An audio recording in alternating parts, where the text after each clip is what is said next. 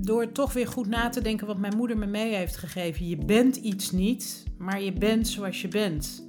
En eh, ik spreek totaal geen woord uh, papiamento, maar het enige zinnetje wat mij, wat mij bij is gebleven is abo to abo, mita ami, mita ami. Ik ben ik en jij bent jij. Stella heeft een zorgeloos bestaan, maar na haar scheiding leidde een reeks aan uiteenlopende gebeurtenissen tot een armoedeval. Een beroep moeten doen op de bijstand en voedselbank geeft Stella een gevoel van falen. Toch breekt het haar creativiteit, kracht en optimisme niet.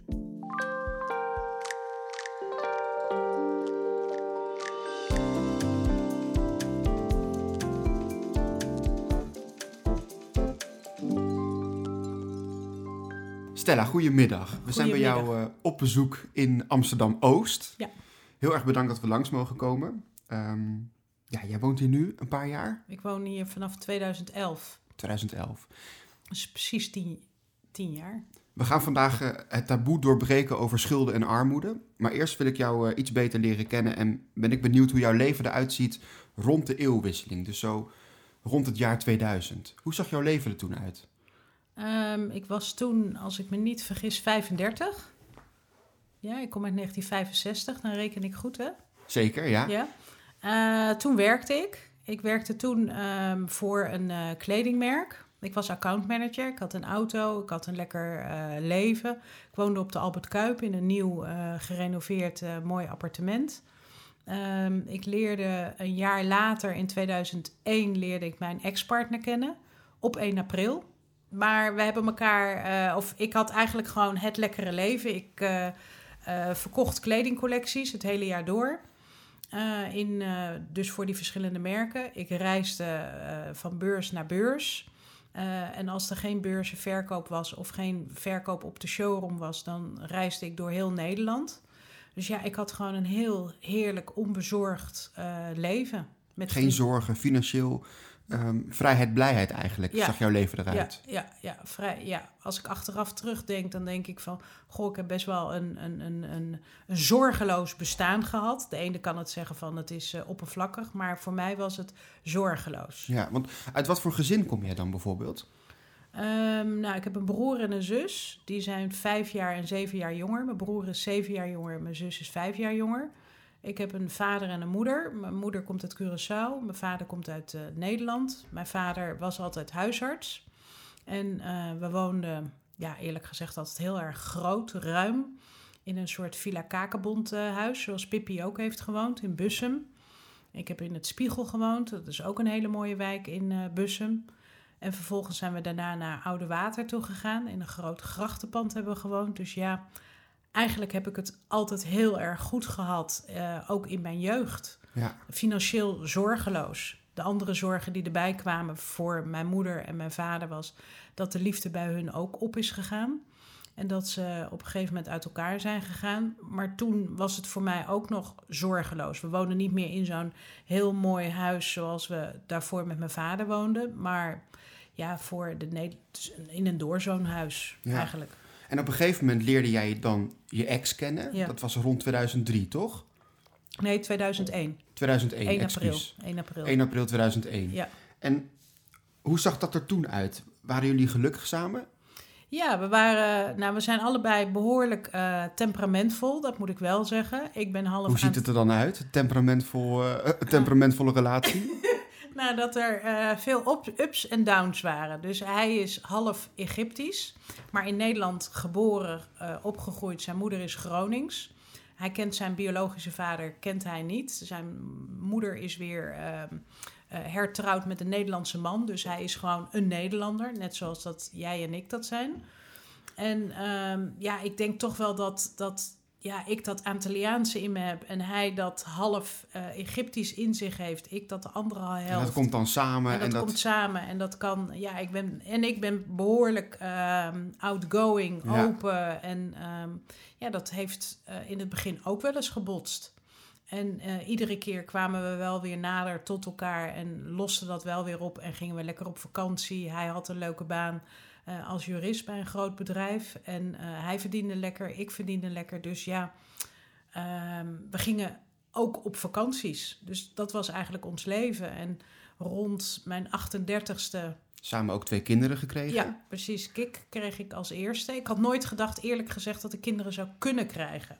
Oh, Omdat ik eh, één eierstok heb. En daar, die was al niet goed toen ik een jaar of 21 was. Dus die hebben ze eruit gehaald. En dus ik dacht, ik krijg ja. nooit meer kinderen. Dus ik was ook niet bezig met kinderen. Ik voelde ook geen rammelende eierstokken. Ik had er nog maar één. Dus ach, jeetje, hij ja. rammelde niet. Dus Maar op een gegeven moment dan is het toch gelukt. En dan kan ik me voorstellen dat je daar natuurlijk heel erg blij mee ja, bent. ja, heel erg. Dus Kik kwam als eerste. Die zou geboren worden op 1, was uitgerekend ook op 1 april. Maar Kik is een maand eerder geboren. Dus die is op 4, maand, 4 maart eh, 2004 eh, via de keizersnede eruit gekomen. En Pleun is twee jaar later eh, geboren op 27 oktober 2006. Ja. En ehm, ja. ja, je vertelt natuurlijk net van, we hadden best wel een, een temperamentvolle relatie. Hè, Ja. Met ups en downs. En het ging altijd uiteindelijk wel weer goed.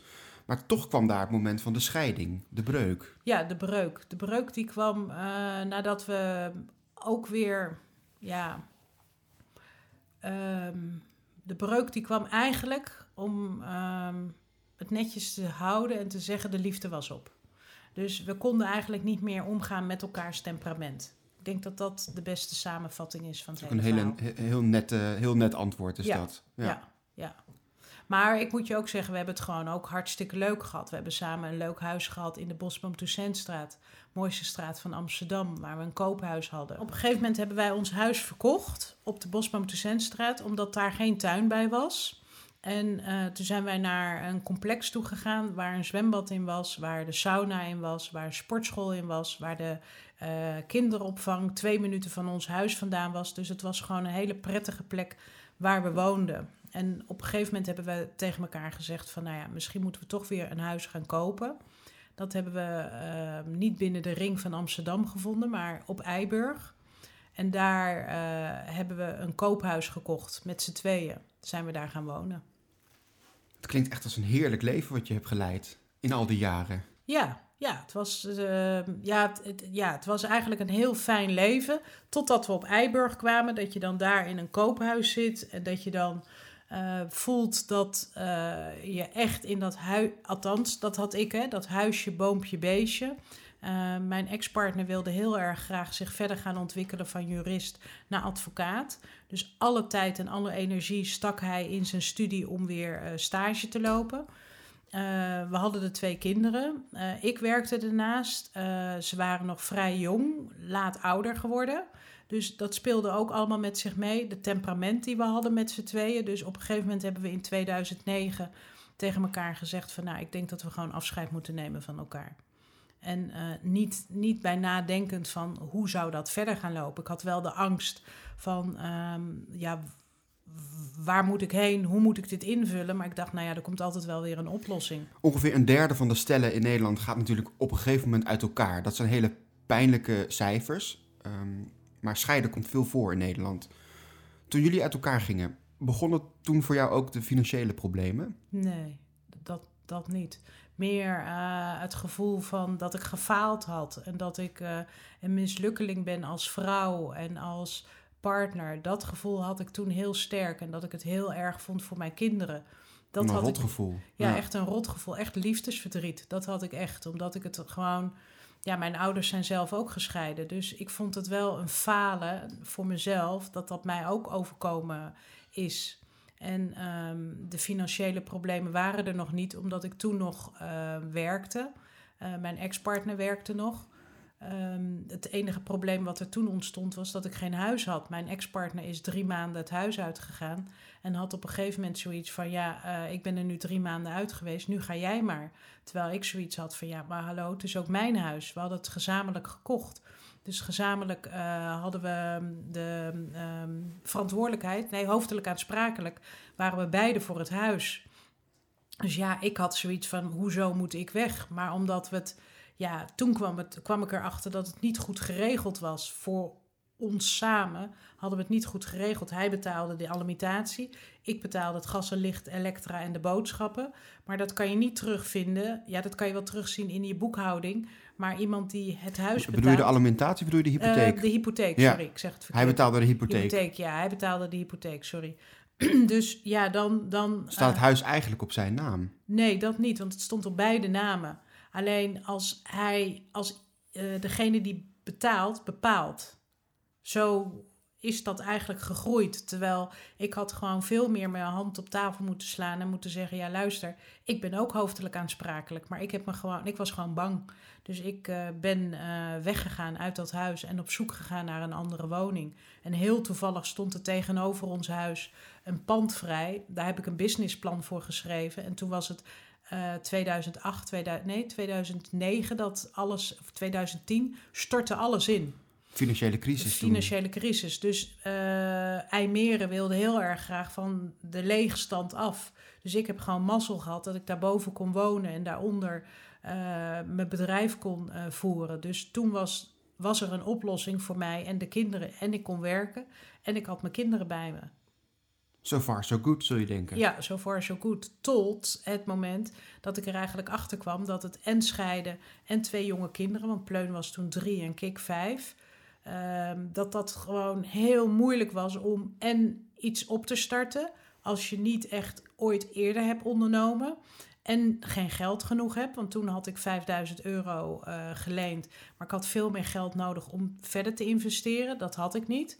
En het, ehm, ja, emotioneel moet ik zeggen, heeft het me heel veel gekost om dat allemaal samen eh, tot elkaar te brengen. Dat, dat, dat lukte me niet. Dus toen heb ik eh, heel eerlijk eh, de IJmeren opgebeld en gemeld van ja, luister, het lukt me allemaal niet. En toen zijn we eigenlijk goed uit elkaar gegaan. Maar toen moest ik wel, in die tijd dat ik daar was, mocht ik nog een maandje in dat huis blijven. En toen moest ik eruit.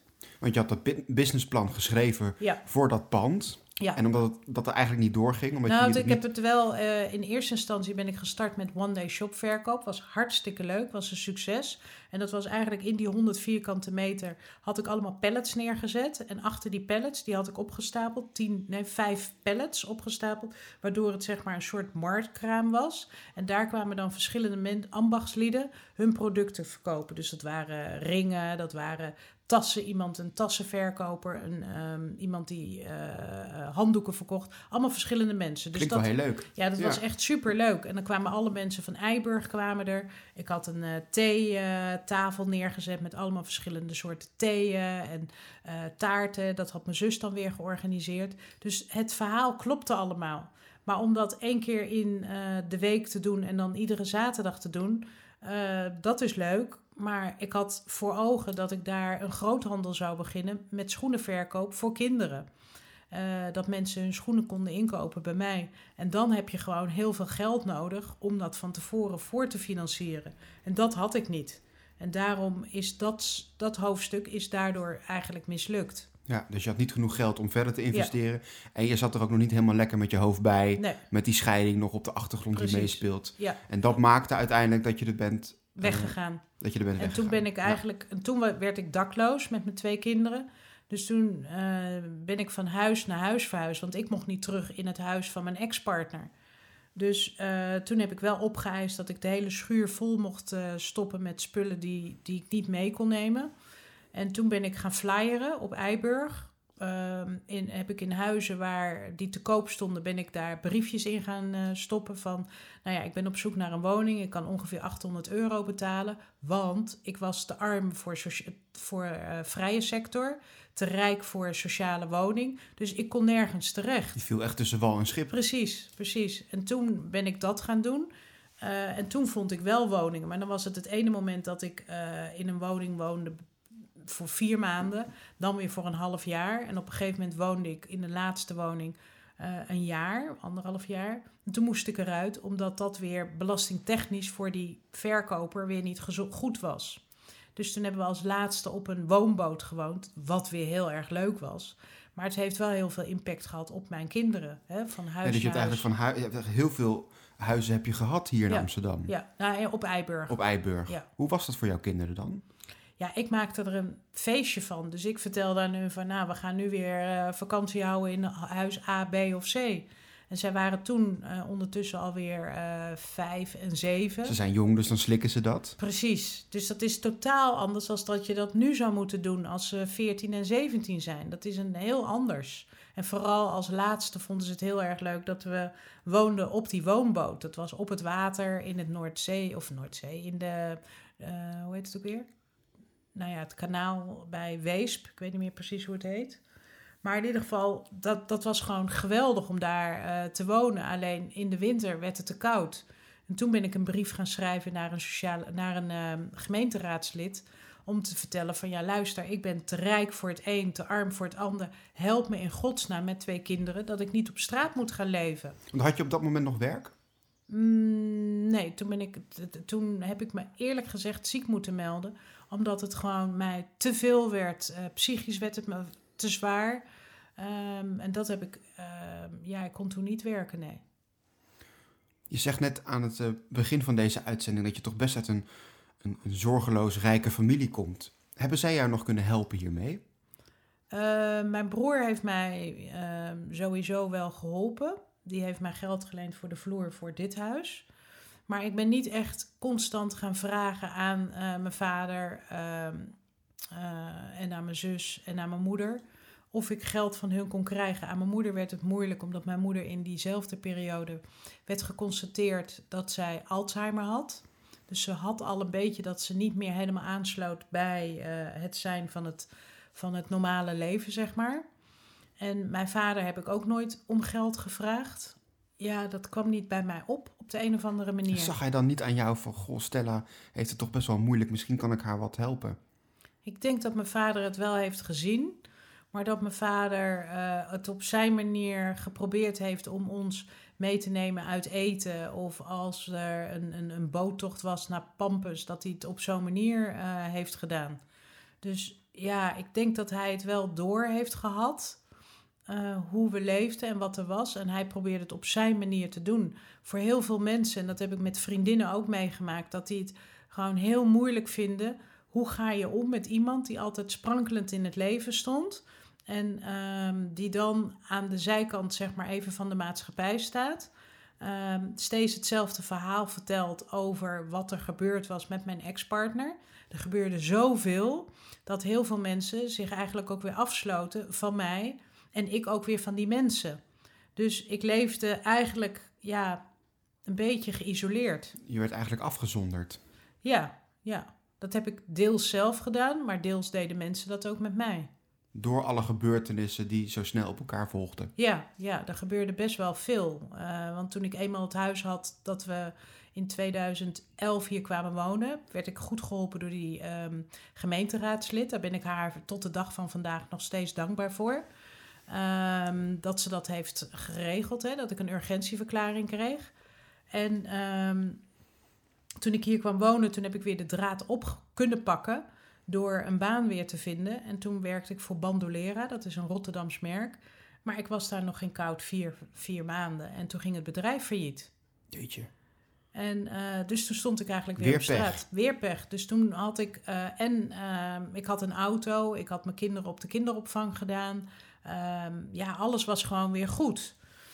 En ik verdiende gewoon weer heel erg lekker geld. Dus ehm, toen dat wegviel, toen viel ik best wel in een gat. Ik voelde me toen weer gefaald. En toen ben ik op een gegeven moment heel gek, ben ik bij, kwam ik bij de tandarts. En uh, nou ja, bij de tandarts kom je voor je tanden. Maar de tandarts die zag in mijn mond dat er iets niet oké was. En die stuurde mij door naar een uh, tandchirurg. Of tand, uh, hoe noem je zo iemand? Een, ja, een tandchirurg toch? Een tand... Ja, een, een, een, een kaakchirurg volgens mij. Hè? Ja. ja. En uh, die zag ook dat er iets niet goed was. En ik had de boodschap meegekregen van mijn tandarts: er is iets niet goed uh, bij jouw baarmoeder. Dat zie ik aan je mond, iets. En dat zag die kaakchirurg, die zag dat ook. Dus die heeft mij toen doorverwezen naar um, de gynaecoloog. En daar kwam ik eigenlijk met het verhaal. Dus via de tandarts kon iemand ja. zien dat er aan je baarmoeder iets niet goed was? Ja. Ja. Jeetje. Ja. ja. Ja. daar hebben we het nu nog wel eens over. En ik ken de tandarts ken ik nu al 27 jaar. En uh, toen bleek dus, om een heel lang verhaal kort te maken, dat ik baarmoederhalskanker had. Ach nee. Dus ik werd in um, uh, 2004, uh, wat was het ook weer? 2012 kreeg ik te horen dat die baan ophield met bestaan bij bandoleren. En aan het eind van het jaar, zo rond oktober, november, kreeg ik te horen dat ik baarmoederhalskanker had. En toen kon ik de keuze maken door ehm, ja, of te bestralen of uh, die baarmoeder weghalen. Nou, ik was toen al uh, klaar met uh, de relatie en geen kinderen meer willen krijgen. Ik was gelukkig met twee kinderen. Dus ik heb toen gezegd van, nou ja, de baarmoeder mag er van mij, wat mij betreft, wel uit. Maar toen was het wel heel heftig. Wat een vreselijk jaar voor jou. Wat ging dat toen door je heen? Toen je en je baan verloor en dan ook nog zo'n afschuwelijke ziekte krijgt? Nou, ik was eigenlijk eerder bang, heel erg bang, omdat ik bang was um, dat ik even dacht ik van ik ga dood, maar toen dacht ik nee, ik ga helemaal niet dood. Mijn moeder heeft ook baarmoederhalskanker gehad. Ze heeft het ook overleefd. Maar er gaat eigenlijk op dat moment niet veel door je hoofd, want je moet overleven voor je kinderen. En je wil er zijn en je, je moet door. Dus je gaat in de overlevingsmodus. Ja, ja dat, dat, dat heel erg. En toen hadden mijn kinderen met hun vader nog wel dat ze een goed contact hadden. Dat ze daar uh, om de tien dagen was dan de afspraak dat ze tien, vier dagen bij hun vader zouden zijn. En um, de rest van de tijd bij mij. Maar toen kwam de kink ook in de kabel dat de kinderen uh, niet meer bij hun vader wilden zijn. Ik denk dat dat een samenloop van omstandigheden is dat de vader een nieuwe relatie uh, gestart was. Uh, die vrouw was zwanger, dat kreeg een baby. Ik, uh, die zeg maar zo zwaar in het ziekenhuis had gelegen met die problemen die ik had, dat ze toch bij mij wilde zijn. En nou ja, andere omstandigheden dat gemaakt had dat ze niet naar hun vader meer wilde. Dus toen begon eigenlijk het volgende hoofdstuk in 2013. Um, um, dat we rechtszaak in, rechtszaak uit zijn gegaan, omdat de kinderen niet naar hun vader wilden. En uh, de vader wilde graag de kinderen zien. Dus dat kwam er toen ook nog bij. Dus een hele was... stressvolle, stressvolle periode dan, dat er ook nog eens bij komt. Ja, ja, ja. ja. waardoor het herstel voor mij uh, moeilijker werd. En dat ik uh, pijn bleef houden. En die pijn, dat was nog in januari 2013, enorme pijn. En wat bleek, ze hadden me te snel en te hard dichtgenaaid. Toen ze die baarmoeder eruit hadden gehaald. Waardoor ik weer een tophematoom in mijn buik had. Waardoor ik uh, gigantisch veel pijn had en dat ze me weer moesten opereren om dat te ontluchten. Dus het duurde dat hele jaar, heeft het gewoon heel lang geduurd voordat ik weer aangesterkt werd. En toen heb ik wel heel veel gehuild en heel, ja, heel verdrietig. Heel, een hele vervelende fase was dat. Dat kan me goed voorstellen. Ja, ja. Jeetje zeg. En ging het daarna beter? Nee, nee, eigenlijk niet. Nee. Het ging uh, steeds meer bergafwaarts met mijn eigenwaarde, met mijn gevoel. Um, ik kreeg nergens meer een baan. Het lukte, het lukte op de een of andere manier niet om, om de Stella te zijn die ik was. Ik straalde iets uit van don't touch me, omdat ik in die overleefstand kwam. Dus toen uh, moest ik van de uh, ziektewet, moest ik op een gegeven moment toch wel met de billen bloot dat dat ophield. En dat ik me aan moest melden um, bij de bijstand. Dan kan je een keuze, dan krijg je dat je goedgekeurd wordt door een arts of niet goedgekeurd wordt. Ik weet niet meer precies hoe dat ging, maar het kwam er wel op neer dat, ik, uh, dat mijn, mijn uitkering ophield. En dat uh, vond ik echt het alle, als je het hebt over het alle, allerergste, vond ik dat eigenlijk nog erger dan de barmoeder. Op het moment dat je de bijstand moest aanvragen. Ja. ja. ja. Want jij hebt ook een boek geschreven, Stella. Ja. En ik ik zie hier op tafel zie ik al een, een, um, de voor, voorpagina staan. Hè? Ja. En de achterflap ook. En daarin schrijf je ook dat je langs een, um, een, een, grote groep mensen uh, fietst met je bakfiets. En dat je je dan afvroeg wat er was. En dat dat de rij voor de voedselbank was. Ja, nou dat was in die tijd dat ik bij de bijstand kwam. Dat ik in zo'n groot financieel gat terecht kwam. Dat uh, op het moment dat je de bijstand aanvraagt, moeten ze dat uh, allemaal in het systeem neerzetten. Er moet bekeken worden of je ja. er recht op hebt. Maar ik had natuurlijk geen geld. Dus um, ja, hoe kom je dan aan eten? Dus ik ben toen naar een maatschappelijk werkster gegaan en verteld aan de maatschappelijk werkster van, nou ja, ik zit nu te wachten op uh, uh, dat ik toegang krijg tot de bijstand. Hoe kan ik in godsnaam aan eten komen? En toen heb ik toegang gekregen tot die voedselbank. Dus dan kom je daar aan hier in Amsterdam-Oost of in de Indische buurt om me aan te melden. En dan uh, krijg je weer dat je door zo'n malle molen wordt gehaald. Uh, zoals je bij de, um, voor de bijstand ook door de malle molen heen wordt gehaald. Dus je moet je, alles moet je meenemen, je hele administratie. Dus wat je inkomsten zijn, uitgaven zijn, eh, waarom je geld aan A of B uitgeeft. en dan gaan ze alles optellen, kloppen alles in de computer. En dan eh, gaan ze kijken hoeveel geld eh, je overhoudt. En als je boven een bepaald bedrag, toen was het 180 euro. Als je daaronder zit, dan krijg je toegang tot de voedselbank. Maar als je boven de 180 euro zit, dan word je niet toegelaten. Nou, ik, ik had geen stuiver, dus ik werd wel toegelaten. Nou, dat vond ik, dat vond ik echt, vond ik echt heel erg. Ja, kan me en dat deed me, ja. dat deed me denken aan uh, de keer uh, dat ik bij een vriendin was geweest die op de Prinsengracht woonde. En ja, dat ik nog in dat happy view leven leefde. En dat ik toen door de Oosterpark heen straat fietste. En dat ik daar allemaal mensen in de voedsel, voor de rij van de voedselbank zag staan. En dat ik echt dacht van, voedselbank, nou dan moet je wel heel ver uh, gezakt zijn. Maar vooral omdat jij het allebei hebt gezien. Je hebt het zorgeloze leven gehad. Je kent de rijkdom. Ja. En je weet hoe het is om zo diep te vallen. Ja, ja. Ja, het heeft me wel verrijkt. Moet ik je heel eerlijk zeggen. Ja, ik, vind, ja. ik zeg niet dat ik het over wil doen. Absoluut niet. Maar ik ben wel blij dat ik het mee heb gemaakt. Waardoor mijn roze bril, zoals ik altijd naar de wereld keek, was als een vlinder. In principe, ik had natuurlijk wel eens wat probleempjes. Maar niet zulke grote problemen als wat ik nu achteraf heb meegemaakt. En ehm, het heeft me wel heel veel rijkdom gegeven op geestelijk niveau. Want hoe sla je je daar dan doorheen? Het moment dat je de bijstand moet aanvragen, het moment dat je door de malle molen moet van de voedselbank, hoe hou je dat vol? Ja, in mijn geval hield ik het vol omdat ik twee kinderen had of heb. En dat ik voor hun uh, het goede voorbeeld wil geven van dat je door moet gaan um, om, om, om te blijven leven, maar ook voor hun te leven en te zorgen dat zij gewoon het beste voedsel krijgen en het beste krijgen wat er is. En ik was natuurlijk ontzettend bang dat mijn ex-partner mij zou pakken op dat ik geen goede moeder zou zijn. Dat is natuurlijk mijn angst geweest. Hè? Misschien wilde die goede man dat helemaal niet doen. Maar mijn gevoel gaf dat, ja, daar was ik heel erg bang voor. Vanwege al die rechtszaken ook die gevoeld ook, werden. Ja, ja, dat was een dubbel iets. Dat hij, ja, dat hij me daarop zou kunnen pakken.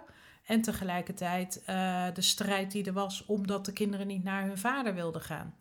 Dus er was een dubbel gevoel in mij. En je kinderen worden natuurlijk ook steeds ouder. Als ze vijf en, zeven zijn, kun je natuurlijk veel leed voor ze verborgen houden. Ja. Ja. Maar ze zien en begrijpen ook steeds meer. Hoe is het nu voor ze dan? Ja, nu is het um, voor, voor ons drieën is het nu moeilijker om te dealen met de armoede dan toen ze tot hun twaalfde, dertiende jaar omdat je dan alles gewoon, um, ja, dat kan je verdoezelen. Met, je hebt dan in Amsterdam heb je de stadspas, waardoor je een heleboel leuke dingen kan gaan doen. Wat gewoon of gratis is, of een euro kost, of wat dan ook. Dus dan ben je gewoon constant, uh, nam ik hun op sleeptouw. Maar nu ze ouder zijn, ja, zien zij ook heel veel wat hun vrienden uh, en vriendinnen hebben. Die gaan, net zoals nu is het voorjaarsvakantie. Nou, die gaan op vakantie. Ook al mag je niet op vakantie. Maar die gaan dan naar Texel toe. Of die gaan naar Schiermonnikoog. Of weet ik veel wat. Dus um, ja, voor de corona was dat ook zo dat ze dat zagen. En dat maakt het soms wel eens schrijnend. Je zit nu zeven jaar in de bijstand. Ja. Is er licht aan het einde van de tunnel? Nou ja, er was ook licht in de tunnel toen ik er nog in zat. Gelukkig. Omdat ik Daar ben ik blij om. Ja, omdat ik altijd um, positief, positief ben gebleven. En dat is ik, heel belangrijk. En ik ben, uh, ja, ik geloof wel dat er licht aan de tunnel is. Ook omdat ik dat boek heb geschreven. Omdat ik super trots ben dat dat boek klaar is. Dat uh, de website klaar is. Uh, de laatste hobbel is toch wel loskomen en medewerking krijgen vanuit de gemeente Amsterdam. Want het is, of uit het systeem, laat ik het zo even breed nou, Met licht aan het einde van de tunnel bedoel ik eigenlijk... je wil op een gegeven moment die bijstand achter je laten... Ja. en weer op eigen benen ja. staan. Ja, nou ja, ik hoop dat ik um, veel gevraagd ga worden als spreker. Dat ik veel gevraagd word om uh, als adviseur te mogen functioneren. Omdat ik allebei de werelden ken. Dus ik hoop dat beleidsmakers, wethouders... Uh, schooldirecteuren, uh, bankdirecteuren, noem het maar op, mij mee willen nemen in hun proces waar ze in zitten om mensen beter te kunnen begrijpen die in de armoede leven. Want je hebt natuurlijk zo ongelooflijk veel meegemaakt. Je kent beide werelden inderdaad, zoals je zegt. Ja. Wat is dan een, een, een veel voorkomend beeld van mensen die, um, zeg maar aan, aan, ja, die zeg maar met de maatschappij meedoen en die de armoede niet kennen? Hoe kijken zij naar jou? Dat je dom bent. Dus niet ik als persoon, Maar als groep? als groep word je gezien dat je dom bent, dat het je eigen schuld is, eh, dat je niet wil werken, dat je lui bent, dat je alles wil, eh, dat, je, dat je een charlatan bent, omdat je dan eh, alles eruit wil halen wat eruit te halen valt. Alle vooroordelen die er zijn, ook over rijke mensen, hè? want het is niet alleen over arme mensen dat er vooroordelen zijn, maar rijke mensen schijnen dus ook altijd gevoelloos te zijn. Nou, ga dat hele rijtje maar af. Dus het vooroordeel over rijk of arm klopt gewoon niet. Wat zeg jij dan tegen die mensen die met zulke vooroordelen aankomen? Nou, ik ga gewoon vertellen over mijn eigen ervaring die ik zelf mee heb gemaakt. Maar ik ga ze niet proberen te overtuigen van A, B of C. Ik denk dat mensen, als ze je horen spreken, dan horen mensen op een gegeven moment wel wat ze willen horen en wat ze ermee willen doen. Maar je kan nooit iemand overtuigen van iets waarover ze een beeld hebben die niet klopt. Dat werkt niet. Als je nou zelf terugkijkt naar de afgelopen periode, ehm, totdat je in de bijstand terecht bent gekomen, zijn er dan momenten geweest waarop je dacht: ik had het op, ik, als ik het anders had gedaan, dan was me dit niet overkomen? Absoluut. Ik denk als ik ehm, minder door die roze bril had gekeken. Toen eh, mijn ex-partner en ik het huis gingen kopen in 2008. ehm, dat wij op het huis op beide namen gingen zetten. Toen had ik al eh, zo'n on- onderbuikgevoel van dit moeten we niet doen. Ehm, had ik bij dat standpunt stil moeten blijven staan dat we het op één salaris een huis hadden gekocht. En niet dat we een huis gingen kopen voor 4,5 ton op beide salarissen. Want dat houdt altijd in als er eentje uitvalt, moet je blijven werken. Dus dat. En ik had me beter voor willen laten lichten door een financieel adviseur. Voor wat als je uit elkaar gaat? Hoe ga je het dan doen? Eh, hoe ga je het dan verdelen, de, de ouderschap? Hè? Want ouderschap is toch van beide ouders. Hoe ga je het op financieel gebied? Hoe ga je dat dan doen? Ik had het veel meer vast willen leggen.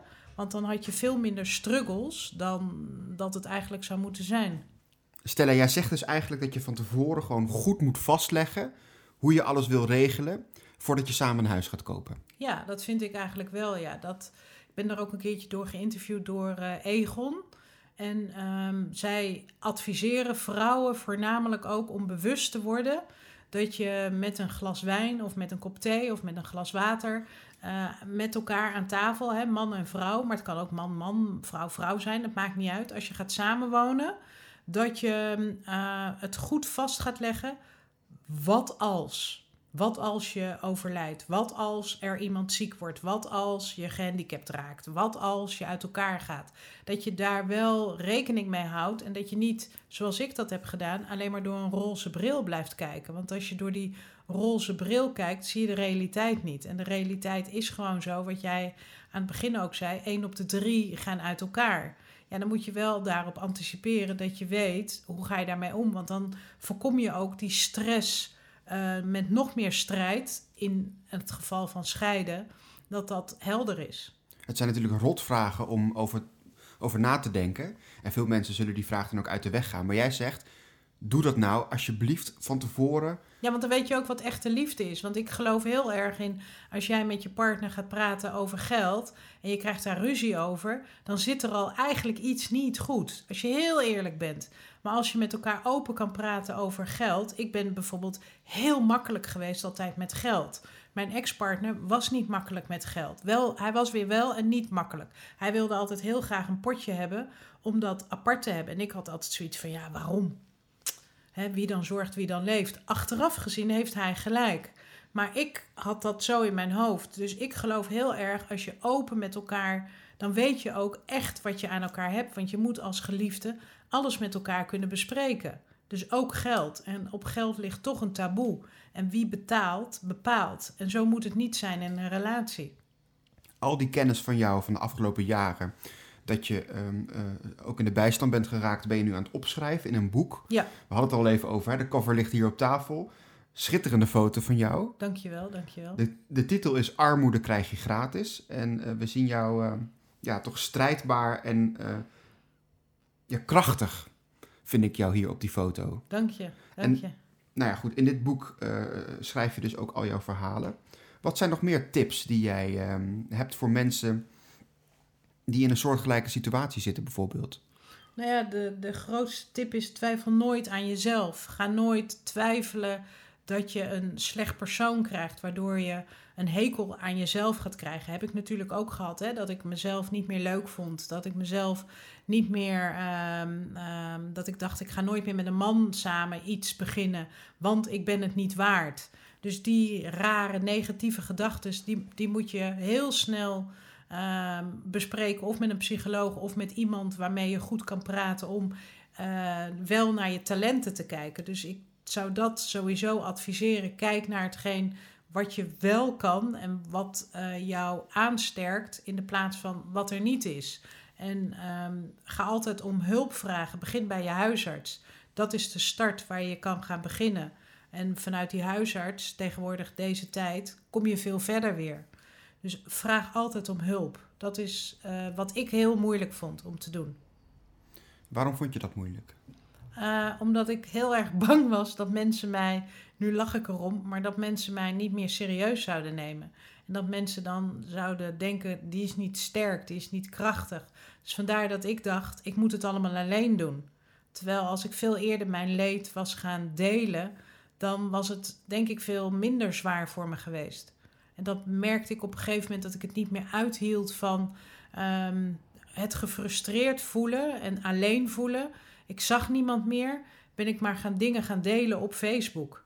Waardoor ik me, uh, mijn eenzame bestaan van s'avonds om acht uur, als mijn kinderen naar bed gingen, dan had ik hun voorgelezen. Ja, dan kon ik om half negen naar beneden gaan en hier op de bank zitten. Maar uh, ik ben Facebook gaan pakken en ik ben mijn gevoel gaan delen.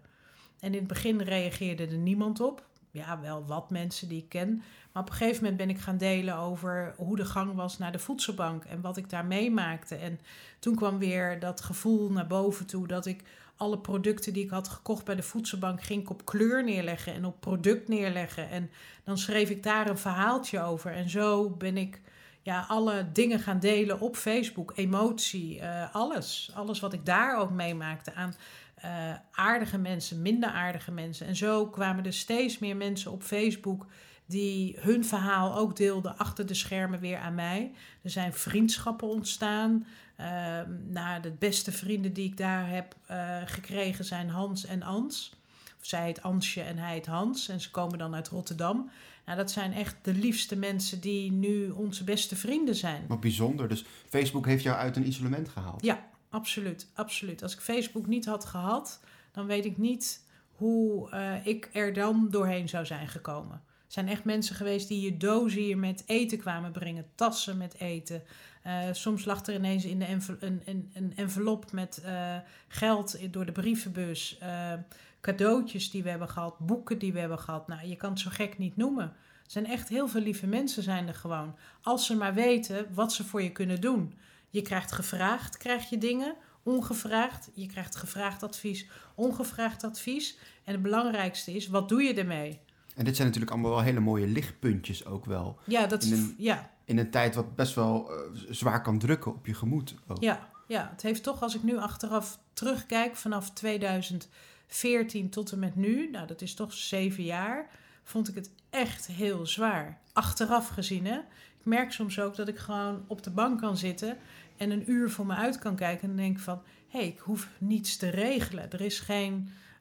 Um, zo'n dringende stress of zo'n druk van stress op mijn schouders als wat ik een paar jaar geleden had. Dus die, die kennis en kunde, die wil ik heel erg graag delen. Dus het is niet zo dat ik nu geld wil gaan verdienen aan armoede. Nee, ik wil uh, mijn kennis en kunde inzetten om andere mensen, uh, dat het voor andere mensen gemakkelijker gaat worden. En er zijn gewoon heel veel beleidsmakers, zijn heel veel wethouders, heel veel burgemeesters, uh, heel veel mensen die in het sociale domein eigenlijk werken, die niet die beide werelden hebben meegemaakt, die ik mee heb gemaakt. Dus daarom voel ik me gewoon verrijkt.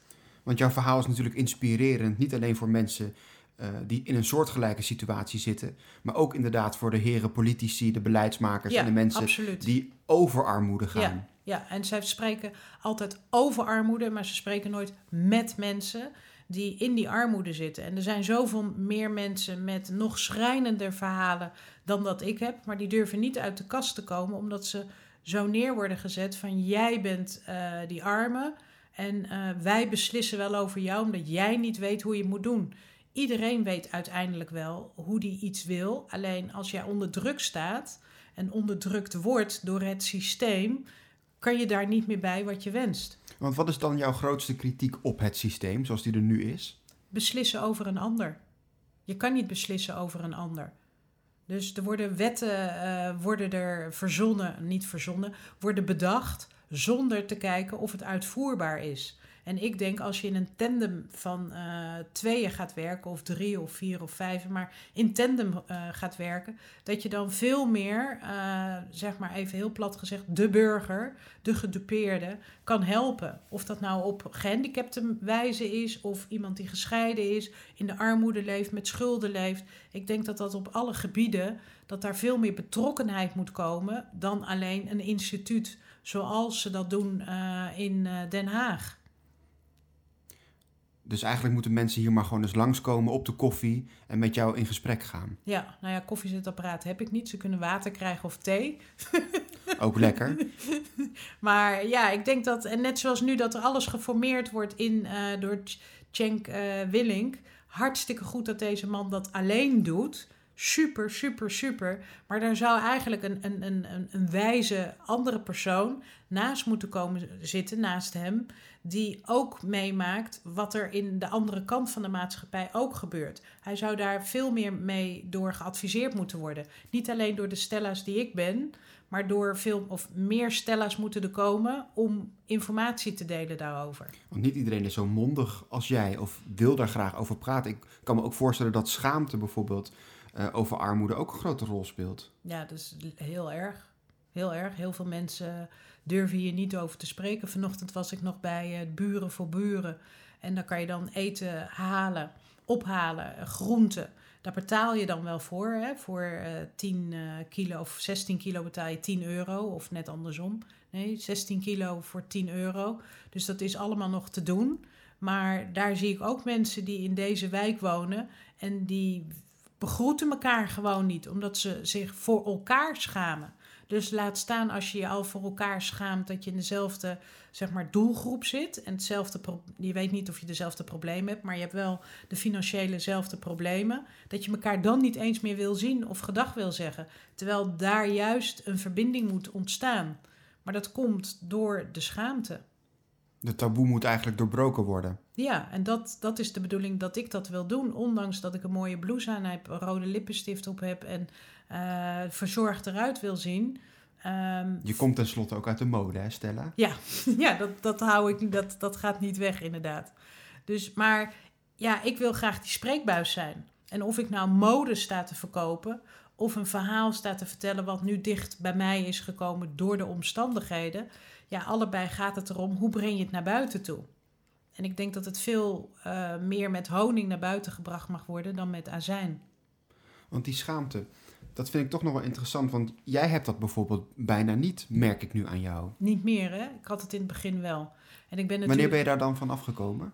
Um, door toch weer goed na te denken wat mijn moeder me mee heeft gegeven. Je bent iets niet, maar je bent zoals je bent. En uh, ik spreek totaal geen woord uh, maar het enige zinnetje wat mij, wat mij bij is gebleven is abo to abo, mite ami, mite ami. Ik ben ik en jij bent jij. En zo is het ook. En uh, mijn moeder heeft, kan nu die wijsheid niet meer delen omdat ze Alzheimer heeft. Dus dat vind ik heel verdrietig. Maar ik ben wel weer gaan graven naar woorden en dingen die zij mij heeft meegegeven. Dat ik dacht van ja, eigenlijk moet ik dat gewoon weer hebben. Schouders naar achteren, borsten naar voren. En ik moet dat ook aan mijn kinderen laten zien. Want je bent het niet. Je bent niet de armoede. Je bent niet, ik ben zo dyslectisch als de pest. Maar dan ben ik nog niet dom. Maar dat ga je wel koppelen. Dus dan komt daar ook weer een schaamte overheen. Hoe ziet jouw leven er nu uit, Stella? Nu uh, is het dat ik uh, trots ben op mijn twee kinderen. Dat ze zich zo sterk en krachtig zijn. Zij zijn mijn wijze raadgevers. Dus daar ben ik trots op. Um, de afgelopen weken ben ik druk bezig geweest met het boek. En nu ben ik bezig met het overgangsfase van overleven weer naar leven dat ik echt uit die bijstand aan het knokken ben om daaruit te komen. En dat is bijna een tweede boek waardig om daar nog een boek over te schrijven. Hoe ingewikkeld dat is om daaruit te komen. Het haalt een beetje de vreugde weg van het boek. Want dat boek moet er binnen nu en een maand uh, moet dat in de winkels. Of in juni komt het in de winkels. Maar dat is um, een beetje. Het is toch best wel ingewikkeld en een gevecht om uit die bijstand ja, te raken. Ja, ja, Waar ligt dat aan, denk je? Het systeem. En niet dat er nauwelijks maatwerk is. En dat je echt gewoon uh, moet mailen, moet bellen, moet vragen. Um, en terwijl de gemeente zo'n mooi apparaat heeft als bijvoorbeeld eigen werk. Dat traject heb ik uh, doorlopen om op eigen benen te komen staan. Zodat je straks uh, bijzondere bijstand kan aanvragen. Maar omdat er zoveel schijven zijn over uh, de inkomsten die je wel hebt, niet hebt. Um, hoe je daar allemaal mee om moet gaan. Dat weet je als leek niet. En dat, dat, die, die kennis en kunde heeft de gemeente wel. Maar de gemeente weet niet goed hoe ze dat weer over moeten brengen naar de Amsterdammer. En dat vind ik, uh, dat vind ik een groot gemis. Dat is gewoon ja, een gemiste kans. Dus de menselijke maat. De menselijke maat wordt moet terugkomen. Moet echt terugkomen. En dat hoop ik door door te blijven gaan uh, met dit boek, dat dat gaat lukken. Ik ben zelfs zo ver gegaan dat ik vorige week weer een mail heb gestuurd naar Arre Zuurmond, naar de ombudsman, om te zeggen van Arre, help me alsjeblieft. Hij heeft ook een stuk geschreven in mijn boek van hoe moet ik hier nu mee omgaan om uit die bijstand te komen, help me. En uh, ik wilde al bijna de bijstand opzeggen en zeggen van ja, ik, ik kom hier niet uit hè, om, om van die bureaucratie af te zijn. Maar ja, zijn advies is ook van blijf doorgaan om um, um, die beleidsmakers bewust te maken dat er een menselijke maat moet komen. Dus als ik de papieren nu zou hebben, ik weet dat Arre Zuurmond uh, de ombudsman gaat stoppen als ik zeg maar. Hè, die papieren, hoor je een open sollicitatie? Ja, dan zou ik. Uh, maar ik heb het niet. Ik heb die papieren niet. Dus ik kan niet. Ik heb geen rechten gestudeerd. Ik heb geen bedrijfskunde gestudeerd. Dus ik kan niet op zijn baan solliciteren. Maar ik heb hem wel geadviseerd. Zorg dat er naast de ombudsman een team komt van mensen die uh, kennis en kunde hebben. Want ervaringsdeskundige ben jij ook, is iedereen. Maar mensen die echt gepassioneerd zijn om uh, naar buiten toe te treden. En die die wond niet meer hebben dat ze zich schamen over het probleem waar ze over praten. Dus net zoals ik, ik schaam me niet voor de armoede. Die wond is helemaal genezen bij jou? Ja, ja, ja, die is echt dicht. Maar de gemeente moet zorgen dat ze geen pleisters gaan plakken op wonden die mensen wel hebben. En daar moeten ze mee stoppen. En dat moet de overheid ook. Die hebben alleen maar uh, dat ze bezig zijn met uh, pleisters te plakken. Tot slot, wat zou je de mensen willen meegeven die uh, deze podcast luisteren? Um, de grootste boodschap is van kijk absoluut naar hetgeen wat je wel hebt. Koester de dingen die, ook al zijn ze heel klein, koester datgene. En als je er niet uitkomt over wat voor probleem je dan ook zit, vraag om hulp. Dat is echt. Uh, de vuile was hang je niet buiten. Dat heeft Maxima ook tegen mij gezegd toen ik op een conferentie was. Je moet soms de vuile was buiten hangen. Het maakt niet uit over wat voor onderwerp het moeilijk is. Ga altijd naar je huisarts toe. Of zorg één persoon in je omgeving dat je daar je hart bij lucht. Heel erg bedankt Stella voor je openhartigheid, voor je verhaal. En ik hoop echt dat die bijstand en die bureaucratie, zoals je zelf zegt, snel verleden tijd voor jou is. En dat je boek een succes wordt. Dank je wel. Ik vond het een fijn gesprek. Dank je.